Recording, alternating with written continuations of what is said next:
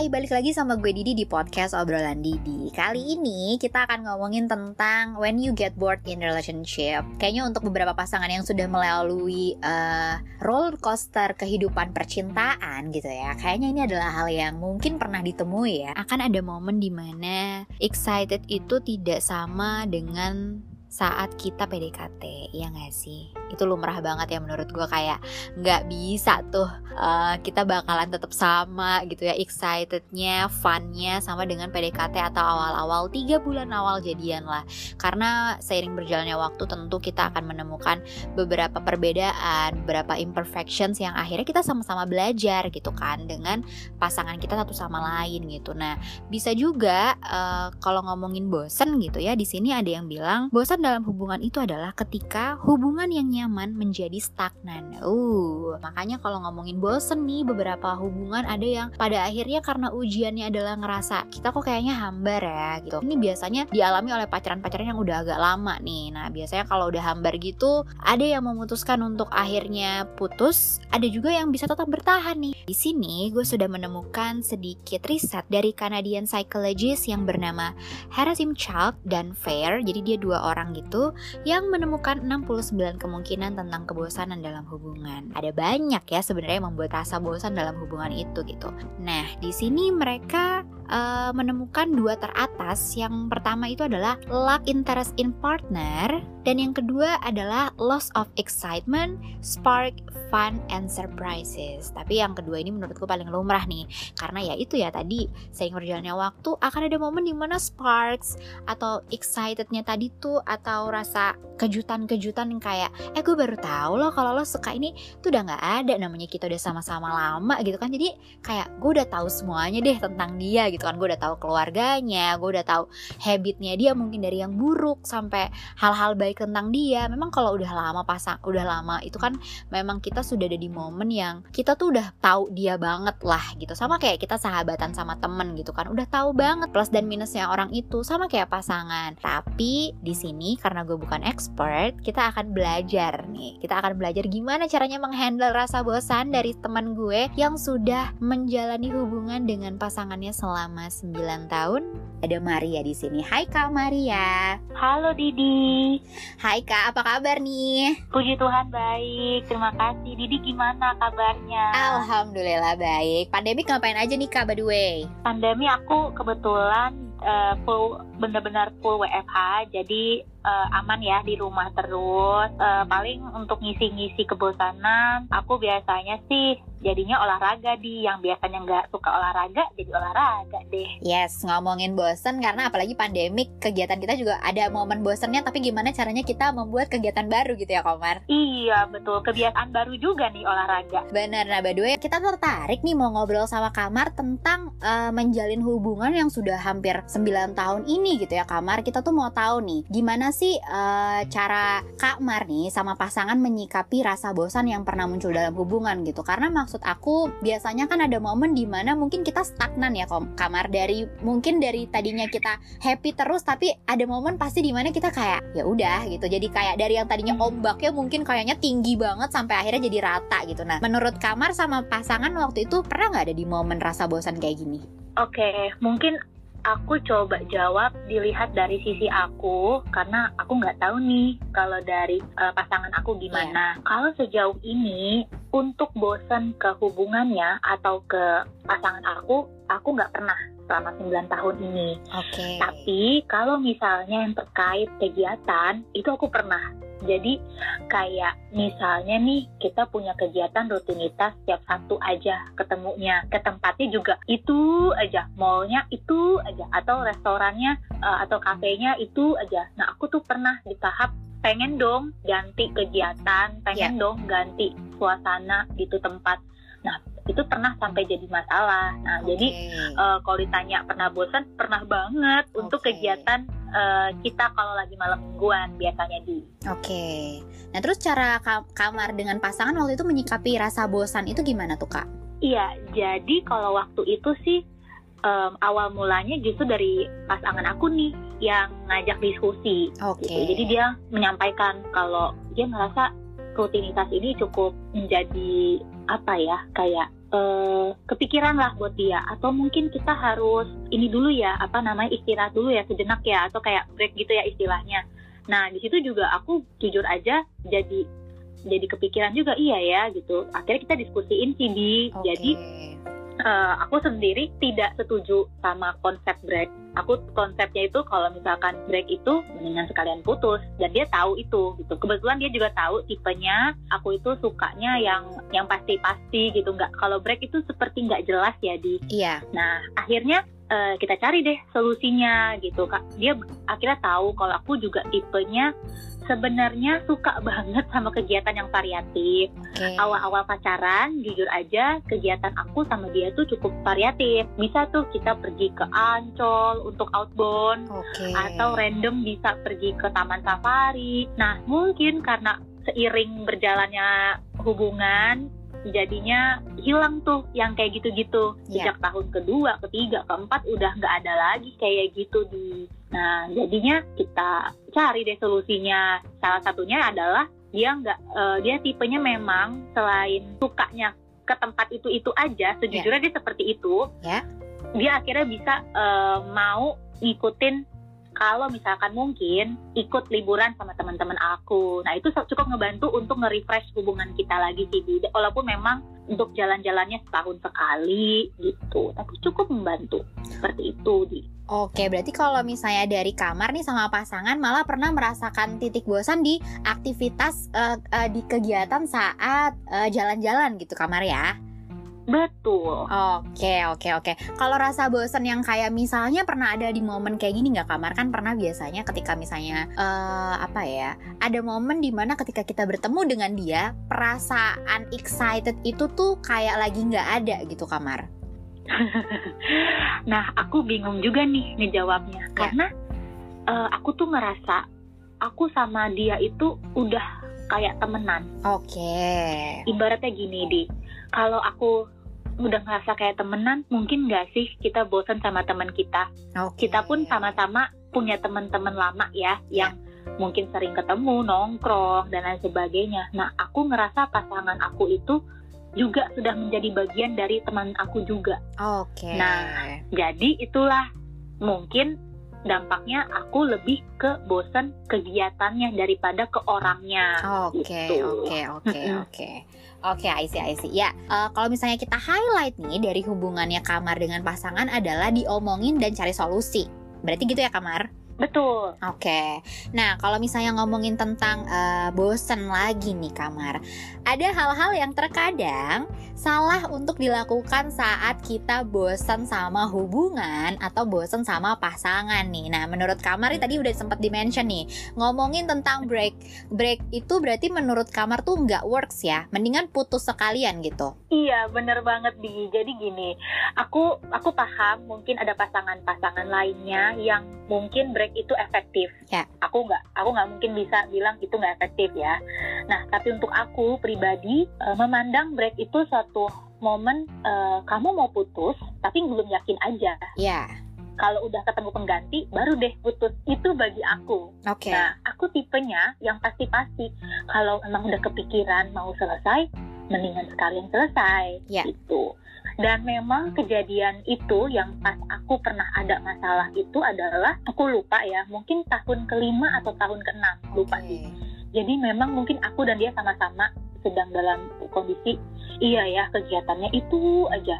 Nah, tapi untungnya kita sama-sama bisa ngomongin lah gitu. Jadi dia bisa tahu persepsi aku gimana, uh, dan aku pun tahu persepsi dia gimana. Kita sama-sama cari tahu dengan solusi yaitu ya udah kita coba um, sesuaikanlah gitu dari misalnya dari kegiatannya dicoba untuk divari ada variasi lain dan lain sebagainya. Lalu kalau tadi uh, ditanya apa sih yang salah uh, yang dilakukan saat bosan selain break tadi itu, yaitu kalau nggak diomongin di. Oke. Okay. Kalau misalkan yang nggak diomongin, akhirnya kita diem aja nih. Yeah.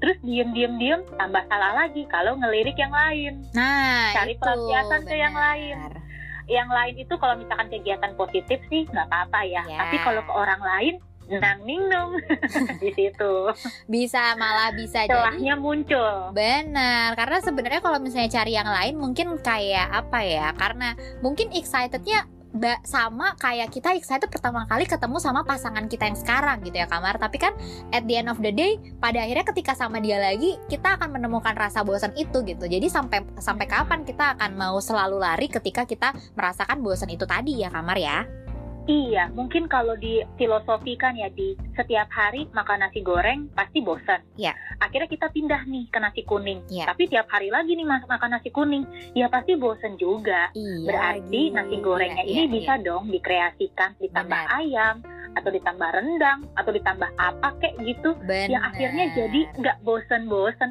Kita yang berusaha untuk mengkreasikan supaya tetap jalan nih gitu. Iya, tapi ya kita ini harusnya berarti kan berdua ya Kamar, jangan hanya misalnya Betul. perempuannya aja nih atau eh, misalnya Hubungannya berdua. Iya, harusnya atau misalnya atau cowoknya aja nih yang berusaha. Pasti namanya hubungan pasti kan kerjasama.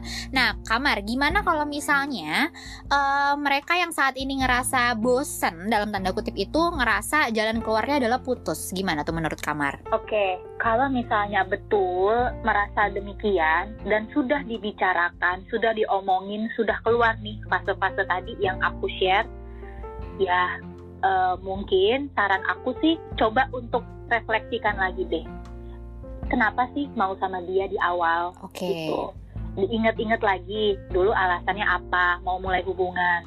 Terus dicoba diukur-ukur lagi em, apakah betul ini satu perasaan yang terus menerus nih bosennya Iya. atau cuman perlu eh, misalkan kalian berdua untuk ganti kegiatan gitu. Iya. Aku aku rasa tiap pasangan punya cara tersendiri ya Iya. untuk bisa cari triknya. Kalau aku jujur ke kegiatan. Nah, Oke. untuk teman-teman yang lain nih, coba deh, mungkin apa ya gitu, misalnya em, sejauh ini sih aku taunya kegiatan ya di. Iya, iya. Menurut kamu gimana? Ya, jadi coba deh, kalau udah dicoba nih usaha untuk ganti kegiatan, ternyata masih nggak apa ya, Nggak nggak ber- ngaruh, Iya. ya bisa jadi mungkin itu pertanda kalau Oke. nggak cocok gitu. Nah, apalagi kan kalau namanya pacaran sih, kalau di konsep aku pacaran kan untuk ujungnya menikah. Iya. Kalau kita menikah dengan orang yang nggak sefrekuensi sama kita, yang bikin kita dalam tanda kutip, aduh, eh, nggak ini ya, nggak nggak menarik ya, kok bosen ya, kok nggak nyambung atau gimana? Ya, mungkin bu- belum bukan dia Bukan nih dia, jodohnya iya, iya, iya. gitu di Cuman jadi coba di Iya. diagnosis dulu, ini beneran sesaat atau emang bener nih, emang udah di titik itu. udah di titik hilang rasa gitu ya Kamar. Mm-mm. Karena sebenarnya momen bosan itu tuh ada satu titik di mana eh, mungkin nih yang mendengarkan juga pernah merasakan di momen yang kayak lanjut segan putus tak mau gitu kamar. Nah ternyata terkadang Nah terkadang kan ada momen di mana mungkin karena tadi gitu kamar udah udah pacarannya udah lama nih gitu kamar tapi ngerasa aduh udah deh gue tahan-tahan aja deh biar karena sayang banget nih hubungan gue udah lama banget nih. Tapi sebenarnya gue udah nggak ngerasa excited juga sama dia gitu. Tapi gue juga nggak mau putus karena m- mungkin males lagi menjalin hubungan dari awal gitu kamar nah, menurut kamar untuk hubungan yang seperti itu gimana tuh? Untuk momen-momen lanjut segan putus tak mau? Oke, aku paham banget ya di sama eh, sama ya itu sama kondisi seperti itu. Iya. Mikir-mikir, aduh pacaran udah lama nih, iya tapi kok ngerasa ada hambar gitu ya. Mungkin teman-teman ada yang ngerasa gitu. betul Nah, kalau misalkan kita pikir-pikir lagi ya di untuk pasangan-pasangan, terutama nih untuk yang sudah menikah, aku rasa yang membuat hubungan eh, suami istri itu bisa langgeng adalah komitmen. oke Jadi memang pada awal pacaran, awal-awal kita ketemu sama orang itu pasti lebih banyak di em, apa ya, kayak perasaan. Ada kalau misalkan di teori teori percintaannya di psikologi itu masih ke apa ya gairahnya tuh masih tinggi banget nih. Iya. Tapi kan lama-lama itu akan berganti ke Iya. yang lain ya. Bisa ke udah lebih intim sama pasangan gitu, udah lebih banyak kegiatan yang dilakuin, jadi udah udah kenal juga sampai akhirnya di titik udah hilang tuh yang awal-awal gairah dalam tanda kutip itu iya berganti menjadi komitmen. Jadi di sini udah bukan kita lagi yang harus nggak harus wajib banget kok kita terus menggebu-gebu cintanya itu bisa berganti menjadi komitmen oke eh, aku ngerasa aku harus kom- eh, aku ngerasa eh, komit nih sama dia jadi kalau misalkan ada yang bosan itu bagaimana nih berkomitmen sama-sama untuk bisa eh, mencari kegiatan atau solusi supaya bisa jalan karena kalau misalkan ngomongin bosan nggak kebayangkan di gimana tuh su- suami istri Iya. berpuluh-puluh tahun loh berpuluh tahun benar gitu. Jadi cobalah latihan di kalau dalam konsep pacaran masih bisa putus ya di. iya Kalaupun harus putus, aku rasa aku akan rekomen kalau misalnya masalahnya itu cukup fatal, misalnya Oke. selingkuh atau Oke. mukul, itu aku nggak akan pernah rekomen untuk Nggak lanjut usah pikir-pikir lagi gitu nanti ya, menikah. Iya, iya, Gitu. iya, benar-benar. Nah, berarti kalau misalnya sekarang nih yang bisa kita highlight dari kamar adalah ketika kalian saat ini sedang merasakan ada di titik yang kayak, tapi gue kayaknya kalau lanjut pun gue udah ngerasa hambar. Coba diomongin lagi Oke. sama dia, ya nggak sih kamar? Setuju. Coba diomongin lagi. Tadi ingat lagi kata kamar. Coba kalian mungkin kalian hanya butuh sesuatu yang kegiatan yang baru gitu. Kayak kamar tadi eh, gue cuma pengen misalnya merubah konsep jalan-jalan gue gitu. Merubah konsep eh, pacarannya mungkin dari yang tadinya cuma di A akhirnya mencari tempat B C D gitu. Nah kalian juga nih ada di titik yang pokoknya coba bicarain dulu deh. Siapa tahu itu hanya pikiran kalian sendiri gitu. Ternyata pasangan kalian nih eh, tidak merasakan seperti itu yang ternyata punya solusi gitu. Jadi jangan eh, sendirian dipikirin ya buat yang sekarang lagi mendengarkan ini dan merasa dari titik hambar tadi. Nah Komar tadi kan kita udah ngomongin tentang eh, gimana sebaiknya kita menyikapi ketika kita sedang saat ini sedang berada di hubungan yang kita merasa aduh kayaknya hambar nih. Nah kita mau tahu dong dari kamar sendiri nih yang sudah menjalin hubungan selama 9 tahun tips langgeng versi komar dan pasangan nih. Atau mungkin kayak apa ya ada sesuatu yang mungkin bisa di share dari kamar terkait pembelajaran. Ciela pembelajaran. Karena maksud aku kayak eh, menjalin hubungan sebelum menikah itu kan juga maksudnya pembelajaran ketika nanti kita menikah ya kamar ya dengan dia ya. Betul. Nah, aku mau kita mau tahu nih, apa sih kira-kira tips uh, hubungan langgeng dari seorang kamar dan pasangan yang sudah menjalin hubungan selama 9 tahun ini? Oke, kalau boleh aku share dari sisi aku ya ngelihat kehubungan aku ini, mungkin ada tiga poin besar yang akan aku share. Oke. Yang pertama adalah masalah itu pasti ada Iya. sama hubungan. Iya. Nggak mungkin nggak ada. Betul. Pasti ada juga kita nggak cocok sama pasangan. Apa pun itu, sama siapa pun kita pacaran, menjalin hubungan, pasti ada aja masalah. Iya. Nah, di sinilah diperlukan usaha kedua belah pihak untuk bisa menyelesaikan semuanya. Pasti ada jalannya, nggak mungkin enggak. Iya. Gitu. Yang kedua, jangan mudah bilang putus Oke. break atau apa pun. Di sini konsepnya kita pacaran itu untuk mengenal dia, kalau misalkan cocok lanjut ke menikah. Nggak mungkin dong nanti pas menikah ke bawah habitnya dikit-dikit bilang cerai. Nah itu nggak boleh. Iya. Kalau menurut aku itu yang akan em, apa ya bukan akan maksudnya latihan lah selama pacaran itu kalau ada masalah diomongin kecuali ya di kecuali banget itu masalah terkait perselingkuhan Iya. masalah atau terkait eh, misalnya pacar eh, pacarnya kasar Abusive, mukul iya. baik verbal itu juga sudah termasuk kekerasan ya Iya. jadi coba walaupun memang kalau verbal itu eh, bisa diomongin ya maksudnya siapa tahu karena kebiasaan kan omongan tuh kadang-kadang susah direm nih Iya. berbeda kalau misalnya mukul Iya. kalau refleks mukul tuh di aduh aku Enggak ya. mungkin kalau untuk selama masih bisa masih Iya. pacaran eh, Baik. teman-teman masih bisa kok cari yang lain Iya. yang Setuju. melampiaskan marahnya tidak dengan seperti itu Betul. itu yang kedua yang ketiga em, supaya bisa langgeng kalau dari sisi aku Ya. aku itu solusinya adalah mencari variasi kegiatan Oke. kalau misalnya teman-teman sama-sama suka yang bersifat rutin ya nggak apa-apa juga Iya. gitu Eh, carilah memang kegiatan yang bisa bikin teman-teman itu enjoy sama Iya. pasangannya masing-masing mungkin tiga itu di yang bisa aku share Oke, oke, oke.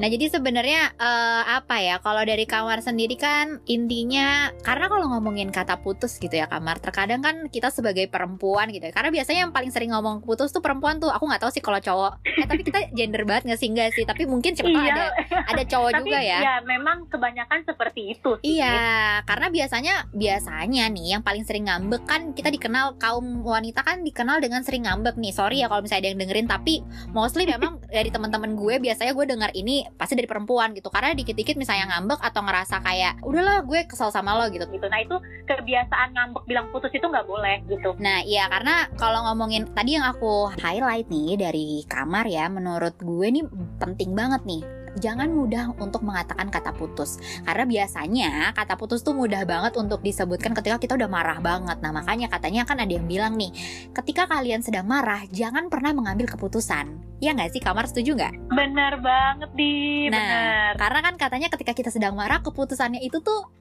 eh, keputusan yang tidak dipikirkan panjang-panjang gitu. Karena ngomongin putus tuh apa ya? Nggak semudah nggak sebenarnya mudah tidak mudah ya. Balik lagi ke masalah kalian gitu. Kalau misalnya kalian cuma ngerasa hambar kayak aduh bosen nih gini-gini aja gitu kan. Menurut gue masa sih kata putus itu bisa jadi eh, jalan keluarnya ya kan? Dan ketika memang putus adalah jalan satu-satunya dan go ahead. Kita juga tidak merasa putus itu adalah sesuatu yang eh, tidak boleh bukan ya tapi balik lagi ke hubungan kalian. Nah mena- yang menarik juga dari kamar nih tadi dia bilang adalah eh, apa namanya biasanya ada momen di mana kita nggak berani bilang ya nggak sih guys? Bukan nggak Iya. berani bilang sih kayak ada di momen yang kayak ayo udah deh gue ngikutin lo aja deh mau ke mana. Misalnya kayak mau ke mana hari ini terserah kamu. Nah kata terserah tuh biasanya nyebelin tuh ya nggak sih kamar? Kadang ada momen Jujur, aku tipenya nggak akan pernah menjawab terserah. Aku Nah. bilang aku mau ke mana. Nah, kadang ada momen di mana ada momen di mana nggak tahu ya apakah sama-sama udah di titik males jalan tapi karena pasangan ngajak jalan akhirnya dia iya aja tapi akhirnya ketika jalan jadinya bosen gitu ya padahal di dalam hati tuh misalnya dia punya keinginan nih misalnya kayak aku tuh sebenarnya lagi nggak pengen nonton tapi kamu ngajak aku nonton. Ya aku bosen sebenarnya tapi karena aku males kita berantem malah malah males didebatin. Biasa ada pasangan kan males berdebat tuh kamar. Jadi dia ngambil eh, apa ya ngambil cari aman untuk biar tidak berdebat tapi ketika dia menjalani jadinya setengah hati tuh kamar ya nggak sih Benar-benar. Nah, kayak gitu. Jadi menurut gue ini eh, apa ya? Tadi bisa kita highlight dari yang Kamar bilang. Coba untuk komunikasi. Aku mau nambahin boleh di. Boleh, boleh, boleh. Jadi em, aku juga mau nambahin yang soal poin dua nih. Kenapa aku bilang jangan mudah bilang putus? Iya. Itu salah satu tips untuk langgeng. Balik lagi, tujuan kalian pacaran apa? Nah, itu dia. Kalau misalkan tujuan kalian pacaran untuk main-main, pasti akan mudah bilang putus. Nah, iya, Ya iya, iya, iya, iya, Tapi benar. kalau tujuan pacaran untuk serius, bilang putus itu pasti akan berat. pasti, iya, iya. Nah, coba di diagnosis apa sih dilihat lagi nih, aku pakai bahasa diagnosis lagi. Eh, coba dilihat lagi, dianalisis lagi. Iya. Ini kira-kira tujuan kalian apa sih? Kalau Nah. tujuannya berbeda, hmm, itu deh yang harus diluruskan Benar, benar, benar. sama pasangan. Nah, benar. Kalau misalnya hubungan kalian ke pernikahan kayaknya tidak mudah ya kamar ya karena kan ngerasa maksudnya hubungan pernikahan nih akan lebih jauh lebih roller coaster lagi nih daripada pacaran yang ketika kita berantem kita bisa nggak ketemu. Tapi ketika kita nanti sudah menikah, berantem gimana tuh caranya kita masih masih selek tapi harus sekamar gitu kan. Jadi makanya harus eh, dipertimbangin lagi deh gimana caranya ketika kalian menjalin hubungan sama pasangan yang sebelum menikah kalian sama-sama mempelajari diri masing-masing gitu. Kalau misalnya memang masih dirasa cocok, ya jalanin. Mungkin memang dia adalah the one, tapi kalau memang bukan, ya ya sudah. Jangan pernah takut karena di dunia juga masih banyak interesting people lainnya ya. so Iya. Komar, yang terakhir sebenarnya ada ada sedikit fun fact nih. Aku mau tahu dari sisi Komar yang sudah menjalin hubungan selama 9 tahun. Ini bahkan bukan menikah ya, ini pacaran tapi 9 tahun. Kan ibarat kalau anak kecil, ini udah masuk SMP ya Komar anaknya. Nah, udah, udah ini ya, udah bisa ngomong, udah bisa. Eh tunggu, udah 9 tahun 9 Komar udah tahun? udah SMP. SMP ya? Iya. Sekarang aku dulu, aku lupa. Bukan 9 tahun itu masih SD ya di? Itu sampai 7 tahunan Kamar. Oh gitu. Iya. Anyway, kita kita mau tahu sesuatu nih. Biasanya dalam hubungan yang ketika misalnya kita udah lama, mungkin nggak harus 9 tahun, mungkin kayak setahun tiga atau tiga bulan ada sesuatu yang kita tuh apa ya disebutnya orang tuh jadi look alike gitu Kam- kamar mirip apakah misalnya kita mengadaptasi apa ya tingkah laku dia atau mungkin perilaku dia atau sebaliknya dia si dia mengadaptasi tingkah laku kita gitu gitulah nah aku mau tahu nih kalau dari kamar dan pasangan nih ada nggak momen kayak gitu nih selama 9 tahun Oke, ada banget di. oh, oke Kalau bisa aku highlight tuh ada dua hal Oke. yang bener-bener aku lihat tuh beda. Gitu. oke apa tuh Yang pertama adalah soal aktivitas, eh, aktivitas ke- atau kegiatan lah gitu. Iya. Awal-awal pacaran itu bisa tuh eh, dari pasangan aku ngikutin aku mau eh, jalan-jalan outbound atau aku pengen lihat restoran baru, nyobain tempat baru itu masih bisa um, masih bisa lah diikutin. Tapi berseiring jalannya waktu ternyata pasangan aku tuh nggak tipe yang seperti itu. Oh, okay. Tipenya tuh suka yang tempatnya ibaratnya apa ya kayak zona nyaman ya. Jadi yeah. memang tempat itu terus yang didatengin. Nah lama-lama nih aku juga ngerasa itu nyaman buat aku. Jadi uh, ditukar akhirnya untuk ganti kegiatan misalkan liburan gitu bisa tuh kita cari waktu ketika teman-teman aku lagi bisa jalan-jalan ya. uh, si pasangan aku juga ikut gitu okay. itu yang pertama jadi dari segi kegiatan memang kita rutinitas tapi ada variasinya mungkin setahun sekali atau beberapa bulan sekali kita ke tempat baru. Lalu yang kedua, tipe ketika menyelesaikan masalah. Oh, okay. Jujur aja pasangan aku itu tipenya diem. Okay. Tipenya itu kabur dalam tanda kutip ya kabur itu nggak mau diomongin iya, dulu iya. tipenya dia tipenya aku nggak diem aku tuh ngomongin banget di nah gimana nah tuh? awal mulanya tuh susah untuk adaptasinya ya. dia tipenya diem aku tipenya ngomongin ya, terus ya. bisa tambah berantem di ya. tapi seiring berjalannya waktu sekitar tahun ke aku lupa ya mungkin yeah. tahun ke-6 ya. Itu kayaknya uh, maaf banget ya rentang waktu aku agak lupa. Gak apa-apa. Mungkin tahun ke-6 tahun okay. berikut-berikutnya udah mulai kelihatan ritmenya dia bisa adaptasi. Oke okay, kita omongin masalahnya okay. tapi tunggu ketika dia tenang dulu. Oke okay, okay. jadi aku yang ngalah soal uh, kapan ngebahasnya. Ketika sudah sama-sama tenang kita bahas. Ya itulah terjadi. Jadi dia juga ikut-ikutan nih pakai cara aku diomongin. Kalau ada yang ngerasa uh, perlu uh, dibahas akhirnya diikut-ikutan kayak aku mau ngebahas masalahnya gitu di. Oke, ini sebenarnya mungkin bisa nambahin salah satu tips yang uh, tadi kali ya guys. By the way, yang dari kamar ini tadi ada yang gue highlight menurunkan ego satu sama lain itu ternyata bisa jadi salah satu tips langgengnya mereka juga nih guys. Jadi mungkin bisa kita uh, bisa kita ikutin ya karena biasanya sesuatu yang biasa kita putus cuma gara-gara ego tuh banyak banget ya gak sih Komar? kayak kita sama-sama yeah. saling mempertahankan gak bisa gue maunya ini terus pasangan kita ngerasa kayak gak bisa gue juga maunya ini akhirnya gak jadi padahal masih bisa diomongin. Nah itu sayang banget ketika uh, kita harus selesai dengan pasangan untuk sesuatu yang ternyata masih bisa diomongin. Ngomongin itu sayang banget sih ya.